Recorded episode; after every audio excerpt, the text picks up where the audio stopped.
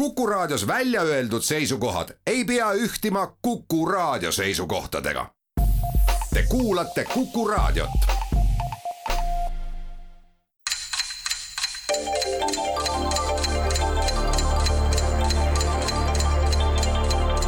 tarkade klubi targemaid küsijaid toetab lisateadmistega Postimehe raamatukirjastus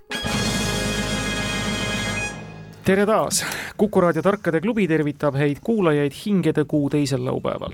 päeval, millest literatuuriklassikud on vahendanud lugusid mõisahärra aluspesu kinkimisest kupjale, aga ka päeval, kui tähtis ja üle kogu maa jälgitud sündmus kinkis täpselt kolmkümmend neli aastat tagasi Eestile esimese sõjajärgse missi.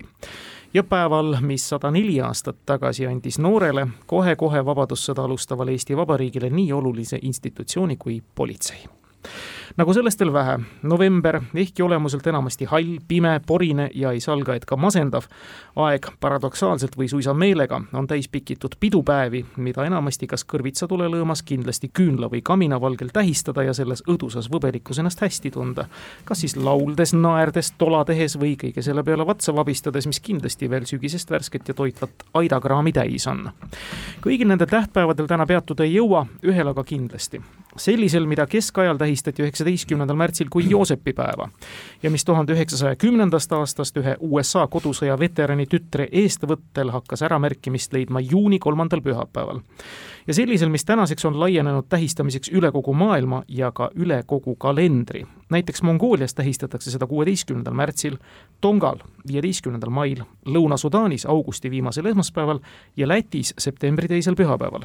meil niisiis novembri teisel pühapäeval ehk homme ja jutt käib muidugi isadepäevast ütlemata hea meel on kõigi meie tublide kuulajate seas kõikide isade üle, olge õnnitletud ja tähistamaks seda päeva ja mitte ainult seda päeva, oma mitte väga originaalsel moel, on Tarkade klubi täna stuudiosse palunud isad selliselt elualalt, kus päris tihti ja isadepäeval eriti ollakse isadeks ka siis, kui isadeks veel ei olda. ehk siis lastele kindlasti eeskujuks ja austust pakkuvatelt erialadelt. kaitseväest ja organisatsioonist, mis täna oma sünnipäeva tähistab, ehk Politsei- ja Piirivalveametist. Hea meel on meie saate debütantidena Eesti Kaitseväes tervitada stuudios majorit, Kaitseväe üht kibedamat kätt males, Janek Tammistot. tere õhtust! ja majori paarilisena kaptenit, Kaitseväe üht kibedamat kätt sangpommispordist, Tanel Kurisood. tere õhtust! politsei- ja Piirivalveameti ridades on aga hea meel tervitada Tarkade klubi kogenud osalisi, Keskkriminaalpolitsei juhti, ühtlasi organisatsiooni üht kibedaimat kätt praktilises laskmises, jahilaskmises Aivar Alaveret. tervist! Ja Põhja Prefektuuri korrakaitsebüroo juhti, organisatsiooni üht kibedaimat kätt harrastustriatlonis Valdo Põderit. tervist! hea meel, et olete meiega ja sellisel sportlikul tasemel jätkuvalt heas vormis esindatud. siirast rõõmu ja jätkuvat eeskuju noortele. kindlasti aitab lähem tunnike selles nii teid kui meid selles sihis raasukese lähemale. tänase saate teemad on, mille vahel on siis peitunud küsimused. häädemeeste, õppinud mehed, head riistad, loodus, autod ja lennukid ja vaaria on tõesti klišee teemad, palun vabandust, aga samas miks ka mitte. küsimuste autorid on täna Kivimäe kooli ajaloo ja ühiskonnaõpetuse õpetaja Margus Pillau, raadiokuulajatest Lauri Laanisto ja Janar Tiiroja. alustame ja anname avavaliku õiguse teemade osas headele debütantidele Kaitseväest, nii et härra major, härra kapten, palun, valige teema ja õppinud mehed ja head riistad. vot, vot, vot, vot, seda oleks võinud kohe aimata, et siit te alustate, nii et tubli kogu maailm nuputab praegu, kas Vladimir Vladimirovitš ikka ühel hetkel ühe teatud nupu peale vajutada otsustab või mitte valmidus nii strateegiliste kui taktikaliste tuumajõudude sihtotstarbeliseks kasutamiseks on Venemaal juba teatavasti ammu Nõukogude Liidu aegadest. tuhande üheksasaja kaheksakümnendal aastal külma sõja haripunktil inspekteerisid juhtkonna esindajad Nõukogude tuumarakettide komandopunkti ja valves olevalt kindralilt küsiti, et mis saab näiteks siis, kui poliitiline käsk raketid käiku lasta on antud, aga selle realiseerimiseks vajalik koodiga avanev tuumakohver lihtsalt lahti ei tule kindralil oli ülemustele konkreetne vastus ka anda. ta nimetas ühte tööriista, mida sellisel puhul kasutatakse ja küsime, milline tööriist varsti pärast mainitud inspekteerimist kanti küsitav ka ametlikult tuumajõudude komandopunkti tegevusjuhistesse ja nüüd kontrollitakse siis pidevalt selle olemasolu seal. vastav töövahend on vene keeles ühest põlisest slaavi sõnatüvest tuletatud ja selle nimetusega ka tähistatud. kohe hakkab assotsieeruma, et see võib äkki kirves olla, siis muidugi venelastel on need kangi vastu, kang, kangi vastu on alati huvi ja võib ka haamer olla. üks on see haamer või kirves, aga teine on nii nagu keskaegsel varahoidjal oli ka, kogu kuninga vara oli laekas, mida üks võti lahti teinud. ja tema tegi seda lahti haamriga, mida parandan äh, naelaga, aga nael ilmselt oleks liiga lihtne sellele asjale. Na-, nael, ei ole tööriist, eks ole. aga, jah, niimoodi pigem ikkagi midagi, millega see kohver lihtsalt, lihtsalt ära lõhkuda. ja nagu kaitseväes öeldakse, et kui on haamer, siis iga, iga asi hakkab lõpuks nael paistma, et ka tuumakohver võib nael olla, kas me valime siis kirve, haamri, kangi, mille juurde jääme? ilmselt kirve ja haamri vahel tuleks valida. jäta, jätame haamri jätate haamri juurde, mina kuulan selle peale Aivarit ja Valdot politseist. Äh, no slaavi keeltega on äh, minul halvasti praegu, et Aivar, ma ei tea, kuidas sul, aga ja, ja sealt ma kindlasti tuletama ei oska hakata. aga kui midagi on, ma ise mõtlen, et kui midagi on nagu kohvrisse peidetud, siis see peab midagi väga tähtsat olema ja sinna selliselt jõuga või haamriga kallale minna väga ei tohi. et äkki see kohver, seal võib olla mingi tehnika, seal võib olla mingi pult, tahab ikkagi sellist natukene tarka lähenemist, et millega on väga hea urgitseda asju, on näiteks kruvikeeraja. no ma ei tea, kui palju Vene tehnika seda tarka lähenemist üldse üldse sallib, eeldab, et äh, kui see kohver nüüd päris daami äh, ehetekarbi mõõtu ja ehitusega ei ole, siis äh, siis ma ise pigem jääksin ikkagi selle sõrkangli või eebli ehk siis vene keeles montirovka juurde, et, et see tundub olema selline natukene jõulisem instrument, aga samas noh, tuumakohver, et kas ta on kohver, jäik kohver seda, seda tuumakohvrit ju me nägime Žirinovski matustel minu teada, kui Putin käis temaga hüvasti jätmas ja seal seisis tema selja taga nurgas seina ääres seisis üks mees sellise tavalise, tavalises suuruses diplomaadikohvriga ja siis vähemalt ajakirjanduses öeldi, et see peaks olema tuumakohver. Ja, ja sellega siis Putin tahtis näidata äh, rahval jälle oma võimu, et ta on igal ajal valmis nii-öelda riiki juhtima ja kaitsma, ehk siis me räägime minu teada sellisest diplomaadi suuruses kohv-. Montirovka, põlisest slaavi tüvest, Atkrivait Atvertka. ja see on kruvikeere siis või? või Atvertka on kruvikeere, jah. mina noh, lekikäärid mingisugune näpitsad, see slaavi keele põline tüvi kruvikeeraja. jah, kruvikeeraja. ei ole kruvikeeraja, nüüd teeme niimoodi. ma ei öelnud, et eh, Janeki ja Taneli vastus üdini vale oli, nad pakkusid natuke väikest riista selle jaoks, põhimõtteliselt ma annan teile pool punkti, me räägime Kuvaldast ehk Ikka siis sepavasarast, mitte Ikka päris haamrist, Kuvalda. tublid, ilus debüüt tehtud, poole punkti vääriline praegu, poola keeles on siis näiteks Sepp Koval ja valgevene keeles siis Kaval ja seal on siis see põhiline nimetus Valdo tuletatud sealt. kena, läheme edasi ja Aivar Valdo, te saate teema valida. proovime autod, lennukid. kõik õige, poiste mänguasjad. muidugi. Janar Tiiroja, hea kuulaja, küsib, millises kahes maailma riigis on autosid rohkem kui inimesi. Nende kahe puhul on tegemist ka ainsate riikidega, kus autode arv ületab elanike arvu. üks nendest on väikseima elanike arvuga riik, mis on võitnud olümpiamängudelt medali. isegi kolm medalit ja kõik nad võideti eelmisel aastal Tokyos muuhulgas ka laskmises. tegemist on ka enim autostunud riigiga, kus tuhande elaniku kohta on tuhat kolmsada autot. teine riik on valitsemisvormilt düarhia, riigis on kuuskümmend viis üle kahe tuhande meetri kõrgust mäetippu, madalaim koht paikneb kaheksasaja neljakümne meetri kõrgusel üle merepinna. seal on tuhande elaniku kohta tuhat viiskümmend autot. nii, üks väike riik, kolm medalit eelmisel aastal Tokyos ja laskmises. ja maadluses ka? ja maadluses, kus meil võib olla üldse nii vähe riike, et kas kas me peaks hakkama otsima ikkagi kuskilt Euroopast ja, ja Euroopa väikeriikide hulgast, Liechtenstein, Monaco. Liechtensteinis olid mäesuusatajad kunagi õde ja vend Ventselid kaheksakümnendate keskel. ma ei tea sealt lask-, laskjaid ja maadlejaid. Monaco San Marino, Vatikan, Vatikani ma ei usu. ei, Vatikan jah, olümpial, oleks ta viimasel olümpial nii palju medalit saanud, siis oleks kindlasti meelde jäänud. on sul aimu, palju võiks Monacos elanikke olla? ma ei usu Monacot, no teine riik on kusagil kusagil üle kuuekümne viie mäetippu, üle kahe tuhande. ma tulen nii palju vastu, mõlemad riigid on Euroopas. peavad hea, hea elatustasemega riigid olema ilmselgelt. ilmselgelt, ilmselgelt, jah. sellepärast ma kaldungi sinna Monaco, Monaco poole. noh, Monacos muidugi elavad hästi paljud tippsportlased, kes äh, maksu, mak, maksusoodustust otsivad, jah laskjad vist väga palju raha ei teeni oma võistlustega? ei teeni, maadlejad, maadlejad samamoodi. mitte, et see peaks ikka nagu pigem kohalikud olema.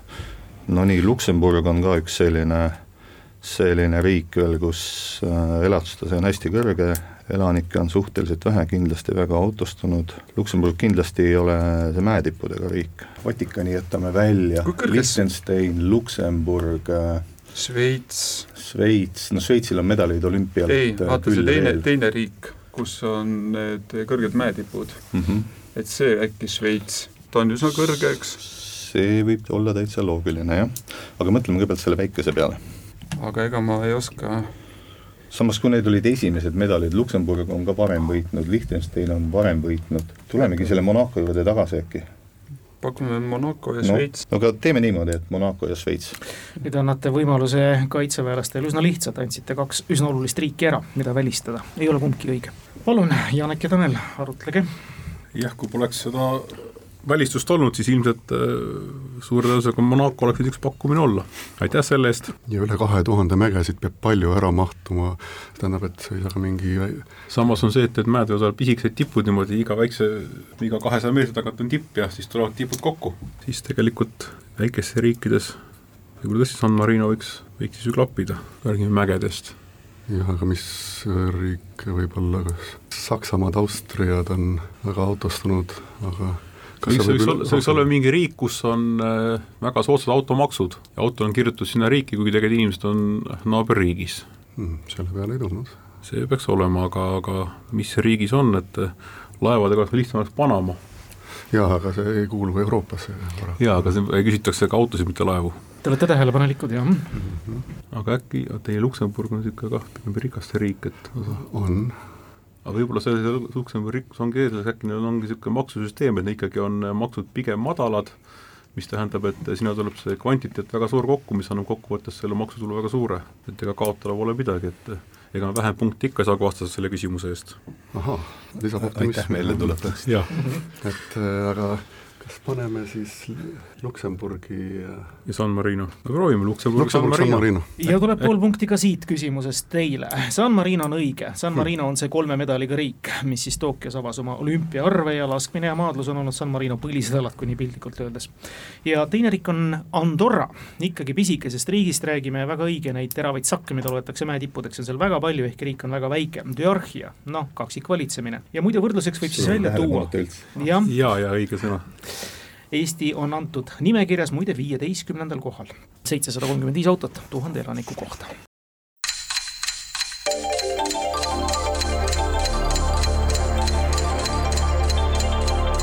tarkade klubi.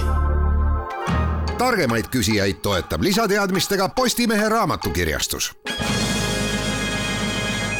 nii, head kaitseväelased, Janek, Tanel, teie valik. no võtame looduse. ja küsimus kõlab. mullu eesti keeles välja antud Johann Wolfgang Goethe luule kapitaalne kogu kannab ühe ta selles sisalduva tuntud poeesiapala järgi nimetust Nõmme roosike. Saksa klassiku nimiteos räägib poisist, kes Nõmme maastikul punast roosi märkas ja ära noppis roosikese hoiatustele oma okkasuse eest vaatamata. mõistagi on tegemist mõistulooga. meie aga küsime, missugune Eestiski rohkesti kasvav taim mürdilaadsete seltsist, pajulillelistest sugukonnast, pajulille perekonnast, ühe rahvapärase nimetusega teiste hulgas kui Nõmme roos on tuntud. paralleelselt siin-seal on ta veel teada kui kõrvelill, metssirel, palanulill, pöördpaju, rebasanna, tulipiits prostatahüperplaasia ehk eesnäärme healoomulise suurenemise vastu on vastava taime toime teaduslikult tõestatud, samuti kutsutakse seda looduslikuks viagraks. Venemaal on aga küsitav peaaegu müütilise kuulsuse omandanud kohaliku originaalse tee ehk nõndanimetatud Ivan-tšai põhikomponendina. ütleme, ainuke asi, mis mul kokku jooks, tuli praegu kokku, läks, oli eh, metssirel ehk eh, näsiniin on eh, õie poolest sarnane, samas peaks olema mürgine, aga samas väikestes kogustes, mine tea, äkki töötab. no aga siis töötabki, et tapab ära ja enam eesnäär ei sure, suurene ju väga kavalasti. see on üks variant. kõik, üks efektiivsemaid ravimeid, näsiniin. aga et teed teha, siis mina oleks arvanud, äkki see, mis kaskede keeles kasvab see tšaaga või ja ikka mingi, mingi see roosist oli jutt, et see, see või see roosi välja ja Nõmme peal, mitte metsas, jah. põdrakanep ei või olla või? sest praegu see, et kuskil äkki ette äkki põdrakanep on hoopis, see Ivan Tšaiga tuli äkki niisugune seos, et sellest kanepist. mul ei assotsieeru mitte millegagi, aga jääb siis põdrakanep või? Jään põdrakanepi juurde. hiilgav, see on põdrakanep, suurepärane teadmine. muidugi teadsid ka Aivar ja Valdo oma suurepärastest botaanika-teadmistest. meil on hea meel ja me vabandame. jah, mis te vabandate, siin kõik on küsimus valikutes. vabandust pika hambaga vastu võetud. aga tublid, see oli tubli, et see Ivan Tšai meelde tuli ja ma ei tea, kas olete mekkinud või mitte, aga igal juhul erudeeritud inimestest on väga hea meel, nii et kolmest küsimusest kaks punkti, väga hea algus tänasele mängule, kaitseväelased Janek Tanel on kaks-null ees, aga Valdo, Aivar teil on hea võimalus järgi tulla no võtame ka looduse. puutumata loodus. nüüd on ta täiesti puudutud ja ära rapitud ka. nii, Lauri Laanisto, Eesti Maaülikooli professor küsib. seda, et linnud talveks soojale maale rändavad, kahtlustati juba antiikajast saadik. kuid kindlaid tõendeid selle kohta ei olnud ja sellepärast ringlesid ka kõikvõimalikud teooriad näiteks selle kohta, et nad magavad talveund veekogude põhjamudas ja nõnda edasi aga täpselt kakssada aastat tagasi leiti Saksamaa põhjarannikult Glütsi külast üks valge toonekurg, kelle sees oli ümberlükkamatu tõend selle kohta, et ta oli käinud Aafrikas. kurg tapeti, tehti topiseks ja seda saab tänapäevani näha Rostocki ülikooli zooloogiamuuseumis mis see oli, mis tõestas, et see kurg oli Aafrikas käinud ja hiljem muide on Euroopast leitud veel kakskümmend neli samasugust lindu. tundub, et tõendite otsimine sattus nüüd õigele pinnale, nii et palun jah mm -hmm., noh, Põhja-Aafrika, mida nad seal endale sisse süüa võivad, Maroko, me jah, et me ütleme, et ta sõi selle endale sisse, on ju, mitte, mitte., mitte keegi ei ole talle seda pannud kuhugi külge või, või et aga mis asi see on? Mul korra käis peast läbi, et noh, mine tea, et äkki kuidagi mingisugune loo-, münt, mündi kuskilt kätte saanud, et selle järgi, aga pigem, pigem ikkagi mitte. ja, ja kui nad seal põldude peal, luhtade peal ju toonekurjad ringi käivad, söövad, korra käis peast läbi, et äkki pistis pintslisse mingisuguse väikese krokodilli mingi looma, mingi mingi looma jah ja., ja, ja ei jõudnud seda nii palju ära seedida ja väljutada ennast, et kas siis skelett või seedimata mingisugune loom leiti nüüd selle toonekurre kõhust. ega nad sinna Põhja, Põhja-Aafrikasse vist toonekurred üldiselt jäävad, Egiptus, Maroko, Maroko., no Egiptus Niilus on ju krokodille nagu kõvasti, eks mm, -hmm. et mhm. kui see vastus vale on, siis vähemasti on tal mingisugust, mingisugust värvi jääme selle krokodilli juurde, vähemasti ilus vastus. väga ilus vastus, väga ilus vastus ja ma usun, et ka selle järgi on leitud kindlasti tõendeid selle kohta, et see kurg või teine on käinud Aafrikas, aga see ei ole see, mida me küsime. tõesti ilus, aga palun, head kaitseväelased, saate ka võimaluse. kui Keena ei olegi õige vastus, siis mis, mis sealt Aafrikast võib veel olla, liiva on seal kõvasti, nälga on seal palju, münt, münte kindlasti vähem, et aga mina ise kalduksin selle poole, et kohalik rahvas tahtis võib-olla seda lindu ära süüa, oli siis kas paelu pannud või, või niimoodi odaga visanud või, või võib-olla noolgi oli niimoodi linnu küljes äkki? jah, et eh, no odad eh, suurt oda vist ilmselt lind kaasa ei too, aga võib-olla mingi väike puhkpüssinool oleks tegelikult niisugune päris loogiline, mis võib-olla tabas niimoodi, et ta ei surnud seda looma, aga jäi kuidagi sulgedesse või naha vahele kinni ja see võis kaasa tulla mm. ja Euroopas, Saksamaal ilmselt väga palju puhkpüsse kaks aastat tagasi ei kasutatud. aga kui hakata isade peale, peale mõtlema ja teame, et kured lähevad selleks Egiptimaale, et lapsi tuua tüdrukutele, et siis äkki avastati niimoodi kuskilt kapsalehe alt midagi hoopis või midagi kaasas kandmas. Aga jää, jääme võib-olla noole juurde niimoodi ja ei hakkagi rohkem edasi arutama. ma ei hakka isegi punkti poolitama, ehkki võiks, te saate täispunkti selle eest, sest et me räägime ikkagi Aafrika jahiodast, mis oli tal kaasas, enesega võetud. seitsmekümne kuue sentimeetri pikkune Aafrika jahioda, oda oli valmistatud üksnes Aafrikas kasvavast puuliigist, mille järgi ta siis ära tuvastati. see oli läbistanud pikisuunaliselt Kure kaela, kuid sellest hoolimata oli lind suutnud lennata rohkem kui kolm tuhat kilomeetrit tagasi Euroopasse, nii et punkt teile, õige. aga krokodill kõlas ka väga kaunilt ja noh, võtkem seda ka kui ühte oda head kaitseväelased, Janek Tanel, te saate nüüd teema valida taas, loodust enam mitte. aga siis võtame varija. Taavi Pae, meie armas kaasautor ja kaasmängija ja armastatud mängija, geograafia kaasprofessor Tartu Ülikoolist küsib, seda kasutatakse Bahamaal, Belizees, Kaimani ja Marshalli saartel, Mikroneesias ja Ameerika Ühendriikides. seda kasutatakse ka Kanadas, aga seal pigem köögis. seda on muuhulgas võimalik tuletada, kasutades arve kolmkümmend kaks ja viis üheksandit. selle taga on üks mees, kes on sündinud Gdanskis ja keda võib pidada linna kõige kuulsamaks inimeseks. talle on mälestusmärk sealsel peatänaval pühendatud ja tõepoolest, seda nime teatakse kogu maailmas. eluaastat tuhat kuussada kaheksakümmend kuus kuni tuhat seitsesada kolmkümmend kuus, mille kohta me küsime või kelle kohta me küsime? nii, kuidas sõjamehed, et Gdanskisse ei ole viinud? Ei, ei ole asja olnud, aga Need on väiksed ookeanisaared, teised mingi vana mõõtühik, kolmkümmend kaks viis üheksandikku, ei ole jalg, sest jalg on natukene vähem, umbes sentimeetri jagu. kas see võib olla see unts mingi või? Unts kusjuures on umbes sellises eh, mõõdus küll. Või on mõni gramm vähem, aga sinna kolmekümne grammi kanti ta on. Ja kui see on vist lausa Trooja unts, millega kulda niimoodi mõõdetakse, on kolmkümmend kaks koma midagi no aga see on ka kolmkümmend kaks koma. jah, köögis jah, et eh, vanad mõõtühikud, USA-s on ka SI-süsteem vähem, seal on ka miilid, mitte kilomeetrid ja nii edasi. ei nemad SI süsteemi kasutavad, sõjaväelased kasutavad, aga tavaline inimene kasutab galloneid, miile. ja kolmkümmend kaks ja viis üheksandikku grammi võiks see number olla või vähemalt enam-vähem seal lähedal see number on, et aga mis ta jah, Danskiga ja, ja niimoodi teadlasega, kui on Trooja untsist räägime praegu, et ei no vahet pole, keegi mõtles välja niisugune number ja ega see isegi päritolu pole oluline, et ta on kuskil jäänud sinna kuskile riikidesse kinni, mis pole veel selle SI süsteemi peale läinud, seetõttu on kõige loogilisem pakkuda mõõtühikut unts. vot, siit tuleb nüüd esimene eksimus teie poole pealt ja vaatame, mis ütlevad Aivar ja Valdo, võidurõõmsalt, nagu ma näen. no vahel tasub telekat vaadata Tiit Browli suurepärast äh, Bellinghauseni merereisi, kus vist sellel etapil ka sina osalesid ja juhtusin nägema seda, seda episoodi, kus te Gdanskis jalutasite ja seal on tänav, mis kannab nime Fahrenheit õige mm., Daniel Gabriel Fahrenheit, tõepoolest jälgige reisisaateid, käige Gdanskis ka ja sinna on kõige parem muide meritsi tõepoolest minna, võin omast kogemusest öelda. see kolmkümmend kaks viis üheksandikku tähendab seda, et kui sa tahad hakata Celsiuses teisendama Fahrenheiti peale, siis neid arve läheb sinna vaja. kas sa korrutad okei. ja siis jagad Jaa. täpsemalt, väga hea. Aivar Valdo, lõpuks ometi teadmised realiseeritud. üks-kolm seis on kohe märksa tasavägisem ja te saate ka kohe teema valida. Proovime veel autode lennukitega, enne tuli spordiküsimus, vaatame, mis nüüd. ei välista, et ka nüüd sporti, aga vaatame.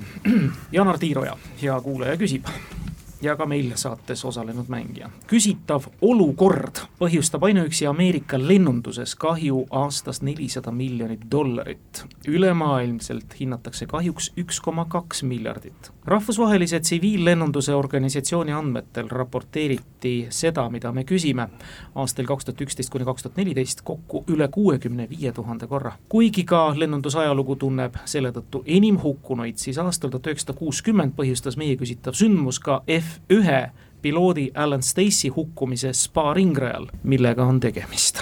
nii et ikkagi saite natuke sporti. kuuekümnendal F1 spa ringrajal. noh, Seda- lennundus kõik tekitab turbulentkahju tihtipeale, aga nüüd hukkunuid, hukkunutega õnnetusi vast pigem mitte. Mõtlesin seda vormeliga just nimelt eessõitja tuulest mingit kuuskümmend viis tuhat korda juhtus raporteeriti. see oli, see oli 2011. kümne aasta jooksul või? kaks tuhat üksteist kuni neliteist. kolme aasta jooksul kuuskümmend viis tuhat. see on päris palju, see ei saa olla mingisugune aga küsimus ei olnud viidatud nagu lennuõnnetustele, et oli viidatud kahju tekitamine. noh, ma ei tea, linnud, linnud mootorisse, noh, on selline kindlasti nii palju ei aga nii juhtu. palju ei juhtu, ma arvan seda, et, et kas seda välku võiks nii palju lüüa või lööb välku veel rohkem meil? ei no lööb valku küll, aga, mis see kahju seal on, et see nüüd rivist välja ei löö ju lennukiseadmeid enamasti. iseenesest ei löö, aga mille, mille vormeli rajal, sparingi ajal. ma mõtlengi, et miks keegi kellegi turvakott lendas piloodile ette. aga äkki oligi mingi kott raja peal ja keegi sõitis ennast seal vastu seda surnuks? ja siis see kahjusumma oleks siis nagu selline, mis on tulnud lennukompaniidel inimestele hüvitada näiteks. või inimesed on kaotanud jah, jah, näiteks. noh, ütleme niimoodi, et, et äh, selle esinemissageduse järgi on jutul jumet, noh, ma ei tea, raja peale mingi rajatöötaja jättis oma sügas üle tee ja sügas üle tee, tal olid lipud kuskil kastis, millega ta peaks reguleerima, unustas oma selle kuhugi. või, või siis boksi peatuses mingisugune mehaanik jättis oma pagasi, noh, nii-öelda oma mutrivõtmete komplekti vormeli külge ja, ja see siis põhjustas mingisuguse avarii, kui ta sealt pärast kuhugi ratast ma mõtlen, mida veel võib tsiviillennunduses nii palju ette tulla, noh, lend hilineb, noh, las ta hilineb, kogu aeg hilinevad, minut siia, minut sinna, palju nad siis varem veel välja lähevad? no küll, aga samas neid pagasid ikkagi ka ju leitakse lõpuks üles, need kahjusummad on kuidagi väga suured. ma arvan, et selle pagasiga oleks Timo juba hoo maha tõmmanud ja ütelnud, et õige vastus, et see ma nüüd kaastunnet meie vastu üles näidanud ja aga siis me peamegi siit Peame midagi, midagi- muud välja mõtlema. midagi kiiresti välja mõelda, enne kui kõnejärge üle anda. tehnilise külje pealt äh, lennunduses ja, ja vormel ühes äkki ikkagi on kokkupõrge linnuga? ma nüüd näitan kaastunnet, see on kokkupõrge linnuga, täpselt nii ongi, isegi mitte mootorisse, vaid lihtsalt kokkupõrge linnuga. Teil on punkte kaks, kaitseväelastel, Janekil, Tanelil on neid kolm, meil on lõpuni minna neli küsimust ja valikuvõimalus siis hääde meeste, õppinud mehed, head riistad või Vaarja. no veel kord, õppinud mehed, head riistad. küsimus kõlab, Tõva või Tuva rahvavabariik eksisteeris aastatel tuhat üheksasada kakskümmend üks kuni tuhat üheksasada nelikümmend neli.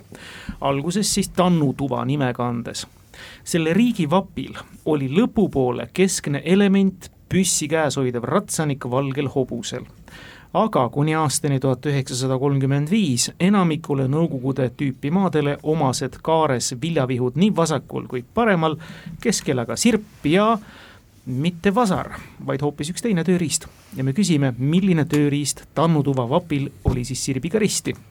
Vene keeles on küsitavaga seotud ka üks meilgi tuntud kõnekäänd või väljend, mis nüüd paistab ka, et tuvarahva suure poja Sergei Kusuketovitš Šoigu tegevust ja selle resultaate ilmekalt iseloomustab. mis tööriist? me oleme nii noored mehed, me ei ole Vene armees käinud ja vene keelt ei tea, aga sellisel Siberi rahval võiks tööriist kindlasti olla relv, millega omale toidupoolist hankida.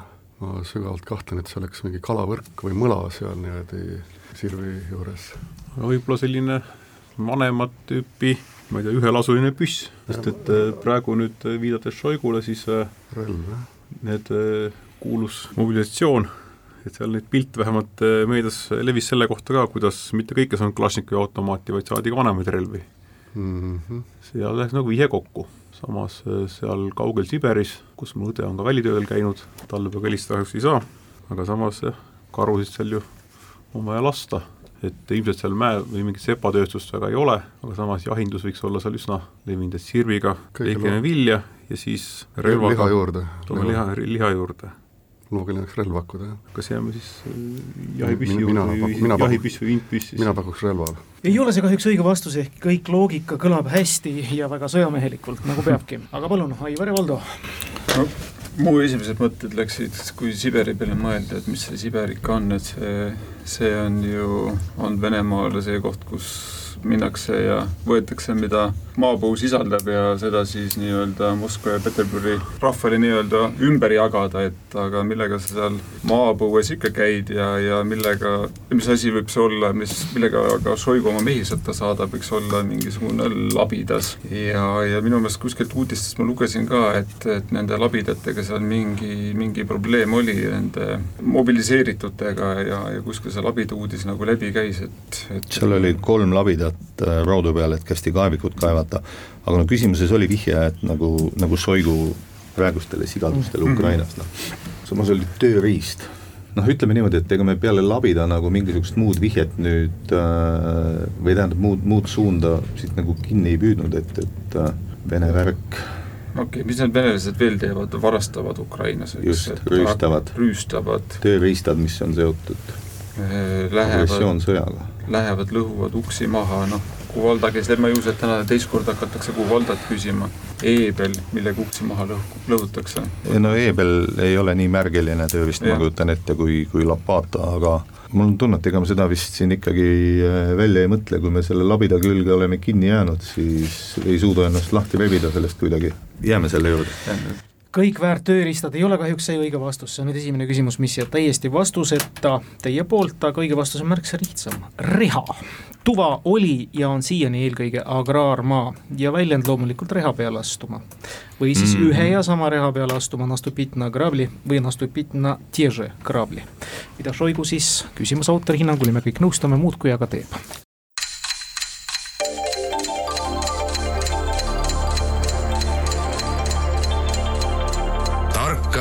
Klubi. targemaid küsijaid toetab lisateadmistega Postimehe raamatukirjastus. Protifloma, nii et prioma. no vot, sellised asjad tulevad meelde, seisult kaks politsei- ja piirivalveamet, kolm kaitsevägi, jätkame. Aivar ja Valdo, valida on nüüd häid mehi või vaariat, õigemini häädemeeste või vaaria? võtame vaaria. väga hea, häädemeeste jätame siis lõppu. Lauri Laanisto küsib, aastatel tuhat üheksakümmend kuni tuhat kakssada seitsekümmend viis tegutses Iraani aladel üks šiiitide ordu, mille nimi tähendab eesti keeles hašiši tarbijate vennaskonda legendide kohaselt kuulusid ordusse noored mehed, kes muudkui aga sõid hašišit, toona polnud veel kombeks seda suitsetada, see tuli hiljem, ja käisid vahepeal ordu asju ajamas. ja ordu asjaks oli üks spetsiifiline kuriteoliik ja see kuriteoliik ongi tänapäeval suuremates Euroopa keeltes saanud oma nime just selle ordu araabiakeelsest nimest. millise spetsiifilise kuriteoliigi või kurjategijaga on tegemist, jumal, kui täpselt see küsimus nüüd rihitus teile just. ja nii piinlik. aga mõtlete välja kindlasti. kas vaikime intelligentse näoga ja riskime võimalusega, et meid peetakse lollideks või avame suu ja hajutame viimasedki kahtlused? no proovime ikkagi mõelda, mida tol vanal ajal, mis kuritegusid nad toime said panna. see võiks olla mis see, kas on midagi Vanetta, et ma lähen röövin, võtan pantvangi ja siis nõuan lunaraha pärast rikastelt, on midagi Vanetta või, või Aivar? Eesti keeles siis hašiši tarbijate vennaskond. Pole kuulnudki, oota aga mõtleme, me võib-olla hakkasin inglisekeelseid nagu kuritegude liike tõlkima siin automaatselt ja mõtlema, mis võiks olla nagu keeleliselt nagu sobiv selle vennaskonna jaoks. Ja nad seda viljelesid, noh ütleme niimoodi, et selles mõttes su loogika on nagu õige, et, et nagu käid ordu asja ajamas, röövid kellegi ära, nõuad, nõuad lunavara, nagu see, see nagu sobib noh, nii-öelda mm -hmm pättidele ja kaabakatele nagu väga hästi, et, et lihtsalt kedagi maha nottimas äh, käisid nad vägistamas äkki? Rape. Rape, jah. Manslaughter. tõmbasid ennast pilve, siis tegid väikse pausi. Shoplifting, poevargused nüüd vaevalt. noh, võib-olla jah, aga sel ajal äkki olid äh, kaupmehed mingeid kaubakaravane käisid seal tühjaks oota, oota, mõtleme veel, kas araabiakeelne nagu väljend kattub näiteks inglise-prantsusekeelse terminiga? muide, kattubki. püha jumal robbery, röövimine. mis need väljapressimine hobusevargused, kaamelivargustel, kas neil on ka mingi spetsiifiline väljend või? või läheb mm. ikkagi siis röövimiste alla? ma arvan, et see pidi ikkagi neile ju midagi sisse tooma. hašiši suitsetajate, mõtleme sellega, sellele nagu keeleliselt. marihuana, smokers. piraatlus, piraatlus, käisid. Pirates. no nad olid ju keset kõrbe kuskil, kus nad neid laevu seal ikka, ei rohkem teistele, teistesse riikidesse mingisugused postivöövlid. käisid piiri kuskil tõstmas? ma ei suuda inglisekeelsetest kuriteoterminitest ühtegi ja ühtegi sellist Eri. välja raalida, mis võiks ligilähedane olla araabiakeelsele kõlale. Robbery. see röövimine on nii lihtne, miks teda nagu peaks küsima, no kui ta küsib võib-olla küsimust sellepärast on huvitav, et ta kattub nagu mitmes keeles, on ju. Drug dealer, narkoarikas ei no siin on, küsimuse võti on, et, et küsimuse see termin on, on, on sama araabia keeles ja ma siin kadedusega vaatan meest teispool lauda, kes on Malist tulnud ja räägib prantsuse keelt ka kindlasti mingil määral, et, et äh, tal kindlasti silm särab juba. ja on seda nägu, et annaks nad ometigi üle või ütleks mingisuguse vale vastuse ära. aga me peame ikka midagi pakkuma. no pakume ära midagi siis, paku ma pakungi, et käisid mingeid, ma ei tea, kaamelikarvane kuskil röövimas. jaa, ei ole rööv kahjuks see sõna, mida me tahame kuulda, aga palun, nüüd kuulame siis prantsuse väga hea, et pikad need arutelud ees ära olid, et siis me, täpselt meie mõtted muidu olid. aga siis hakkame arutama, et kaamelirööv, see oleks jah, piraatlusega tegelikult, kõrbelaevaga sõidad niimoodi, et täiesti piraatlus mm. ja ka kui hassissit niimoodi suitsetada, meie õnn on see, et me oleme nooremad mehed, me ei tea vene keelt nii hästi, me teame inglise keelt. Hassis äkki see siis hakkab assotsieeruma juba assats-, assassiinide poole, assassiinide poole ja assassiinide ordu, see on ju väga kuulus ka igal pool, kus poisid meil mängivad arvutimänge ja et ikka jah, pal-, palgamõrv oleks see, täpselt nii, suurepärane teadmine, ma arvan, et siin ei kuskil praegu puhul niimoodi, ma oleks tahtnud vihjena öelda, et see jääb jah, KKP nii-öelda jurisdiktsiooni alla. näed, vedas. väga õige, tegemist on palgamõrtsukate ehk assassiinidega, araabia keeles siis assassien või, või assassiun. assassiinide ordu liikmed käisid tõesti kohalike kaliifide, imaamide ja teiste võimukandjate palvel kõrvaldamas ümberkaudsetel aladel nende vaenlasi, kelleks enamasti olid juudi usku või kristlased. ordusse uute liikmete värbamiseks kasutati poliitilist ajupesu läbisegi tasuta narkootikumide ja seksiga, kõlab nagu tänapäev. neli punkti siis siis kaitseväelastel Janekil Tanelil ja kaks punkti on siis äh, Aivaril ja Valdol, meil on kaks küsimust lõpuni minna, nii et häädemeeste võib siin veel ka viigimajja tuua aga väga resultatiivne ja kõik on väga kena olnud. esimest häädemeeste küsimust saate kuulda teie. Eestis on näiteks Naissaar, Naiste valla ja mitmeid teisigi naistega seotud geograafilisi või asulanimesid, meestega teadaolevalt ainult üks. Häädemeeste, Alevik valla ja kihelkonnakeskus Lõuna-Pärnumaal, liivlaste kunagise asuala piiril. nimi tuleneb muide saksa keelest ja tõlkest vastav originaal on siis Gudmansbach ehk aadlimeeste või õilsate meeste oja. Praeguse Häädemeeste valla eelviimane küla enne Iklat ja Läti piiri kannab aga ühe sealse muinasaegse, liivlastega asustatud suure kihelkonna või mõne ulatuse kohaselt isegi maakonna nime. ja me küsime, mis nime? omaette kujundliku väljendina sobiks küsitav ühtlasi ka sõna Häädemeeste irooniliseks tõlgenduseks ja rahvapäraselt on seda üritatud ka teha. mis on eelviimane küla enne Iklat? ilmselt meeste häda on vale vastus. seda oleks Kärn-Arni pakkunud kindlasti mm. -hmm seda tegi tegelikult, tege-, tegelikult pakkus seda juba Eino Baskin oma kunstisaalis. et ei ole Lätini asja all, mis on seal. Piirikaubandus küll elab, aga liiga palju Lätis õlut ostmas tõepoolest ei käi, seetõttu need külanimed ei ole meeles. Kas Sakala läks mereni välja või? Sakala oli Sakala, Sakala ja Ugandi. ja kui ma mõtlen, kas Ugandi oli siis, kas Ugandi jäi siis sinna ida või lääne poole, see oli nagu see maakonna omannaks, see Sakala ja Ugandi olid seal lõunas, konkreetne küla nimi, aga äkki saab küsimus olnud, millega ta nagu seostub, et äkki need seosed uuesti korra mm. -hmm. omaette kujundliku väljendina sobiks küsitav ühtlasi sõna häädemeeste irooniliseks tõlgenduseks ja rahvapäraselt on seda üritatud ka teha ju siis tähendusega nimetus. irooniline tõlgendus häädemeestest, hea mees, irooniliselt. ei ole üldse ühtegi niisugust seost praegu sellega no.. seekord neile vastupidi, et vastasvõistkond vaatab sellise näoga, et et andke üle, aga mõtleme ühe küla nime välja ja siis anname üle, mis, mis küla võib seal siis olla. kui viimane küla ilmselt on siis Ikla ja siis eelviimane, kes sealt Iklast mm -hmm. tuleb seal kuskil sealkandis oli, aga ilmselt mitte just nii piiri lähedal, oli niisugune küla nagu Arumetsa seal tee ääres, ilus metsane küla ja mõtlesin, kui arvestada üle käib, oleks nagu Aru lageda. aga kas nüüd see käib selle kohta, see vist oli ikkagi natuke kaugemal piirist. noh, hea, hea mees peaks jah, niimoodi. aga Aru lageda, Arumetsa? Arumetsa. et tähendab, üks Arumetsa seal tee ääres on. see on vähemalt üks koht, mis on olemas, kas ta seal eelviimane just on, see on teine küsimus. mis tankla seal oli niimoodi? Statoil, aga see ei aita. ei, aga, aga see asula nimi niimoodi seal, eks ole, või see on kaugemal juba? see on kakskümmend kilomeetrit, külad, külad, külad nii suured ei ole. aga, aga miks mitte see Arumetsa aga ei, aga mis see, aga mis see nagu see iroonia, kus see iroonia on? noh, Aru läks metsa meestel. ütleme, kui midagi paremat välja ei mõtle, siis üks vähemalt seal tee ääres on see küll olemas. jääme, jääme Arumetsa väga ilus, Arumetsa tõepoolest on seal olemas, selle juurde me täna jõuame veel tagasi. aga ei ole see kahjuks õige vastus, jah. no nii, võidurõõmsalt, piirikaubandusega oletegi ilmselt rohkem kokku puutunud kui vastased no,.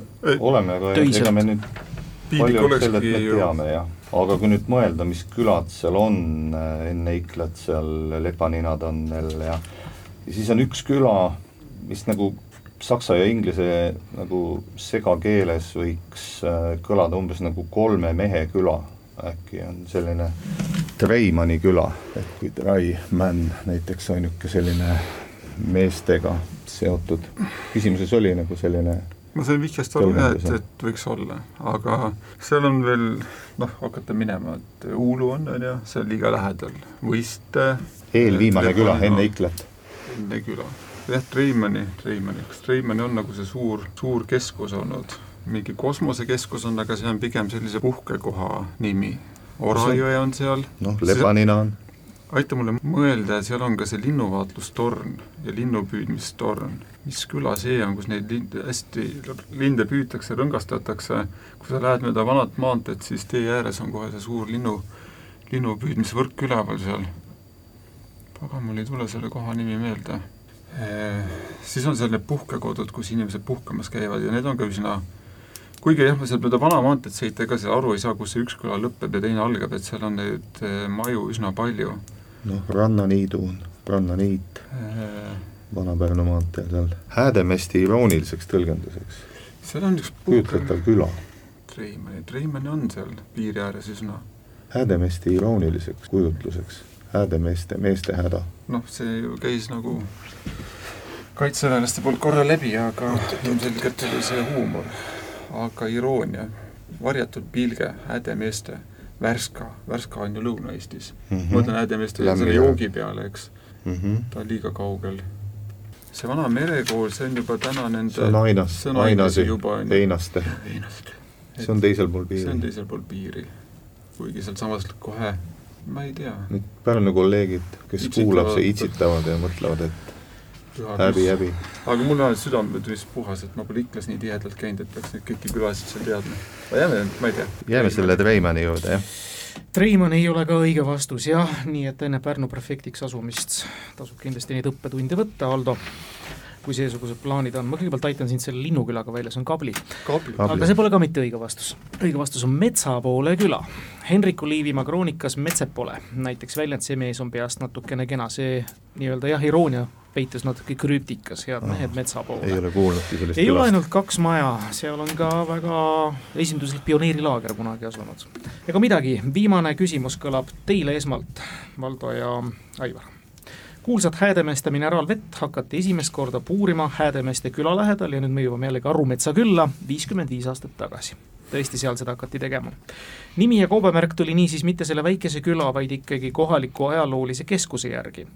tuhande üheksasaja kaheksakümnendate aastate keskpaigas Arumetsa puurkaev oma võimalused ammendas ja Häädemeeste aleviku servale tehti uus aga kummatigi ei hakatud sealt villitud vett enam mitte häädemeesteks kutsuma, vaid hoopis kaubandusvõrku tuli see teise nime all millise nime all kõlab küsimus, vastus on suhteliselt loogiline, kuigi mitte väga originaalne. kaheksakümnendate keskpaigas? jah.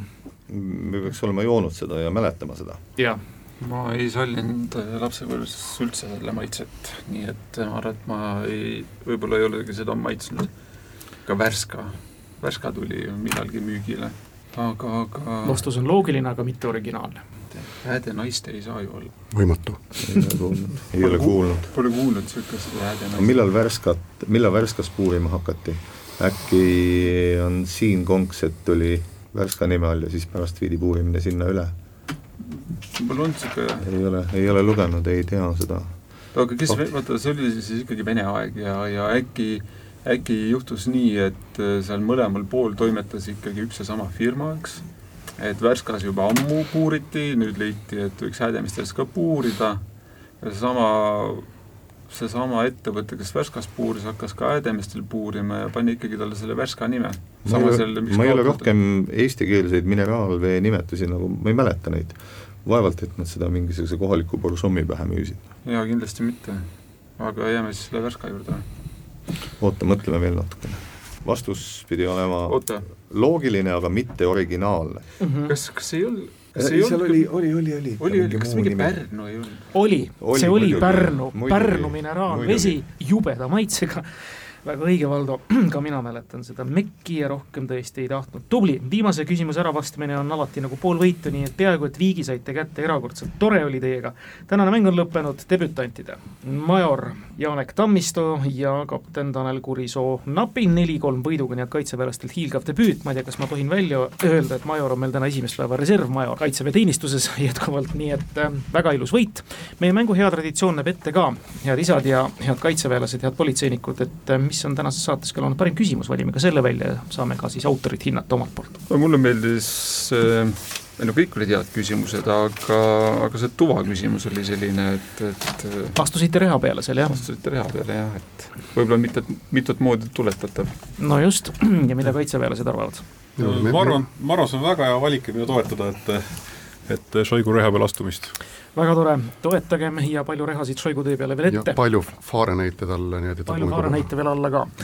suur tänu teile, Valdo, aitäh, Aivar, suur tänu, kaitseväelased, Janek ja Tanel täna siia tulemast, me soovime teile kõigile homme ilusat isadepäeva, olgem jätkuvalt eeskujuks kõigile edasi ja teile, head politseiametnikud, ilusat pidupäeva, ilusat organisatsiooni pidupäeva! aitäh! toredat pidupäeva, rõõmsat isadepäeva!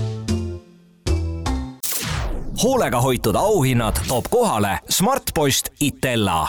lõpetame saate kuulajamänguga. eelmisel laupäeval lõpetas meie saate küsimus kellegi kohta, kes tuhande üheksasaja neljakümnendate aastate lõpus tudeeris Pariisis raadioelektroonikat ja evis endas tohutut poliitilist potentsiaali, millest ka kaaslastele rääkis. oma võimaluse nimetatud potentsiaal realiseerida ta ka sai.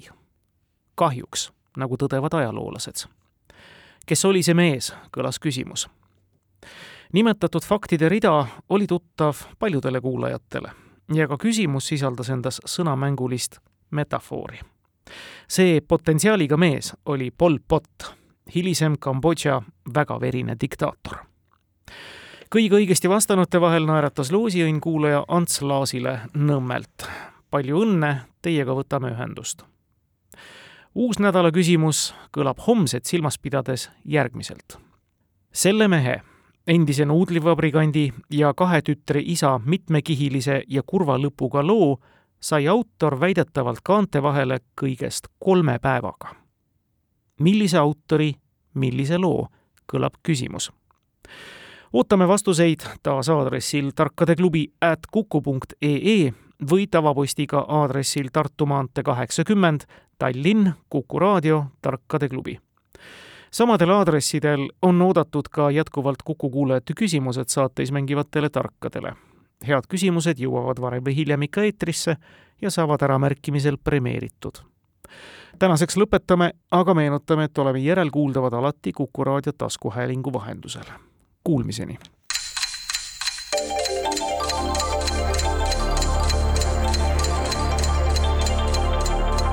Tarkade klubi. Targemaid küsijaid toetab lisateadmistega Postimehe raamatukirjastus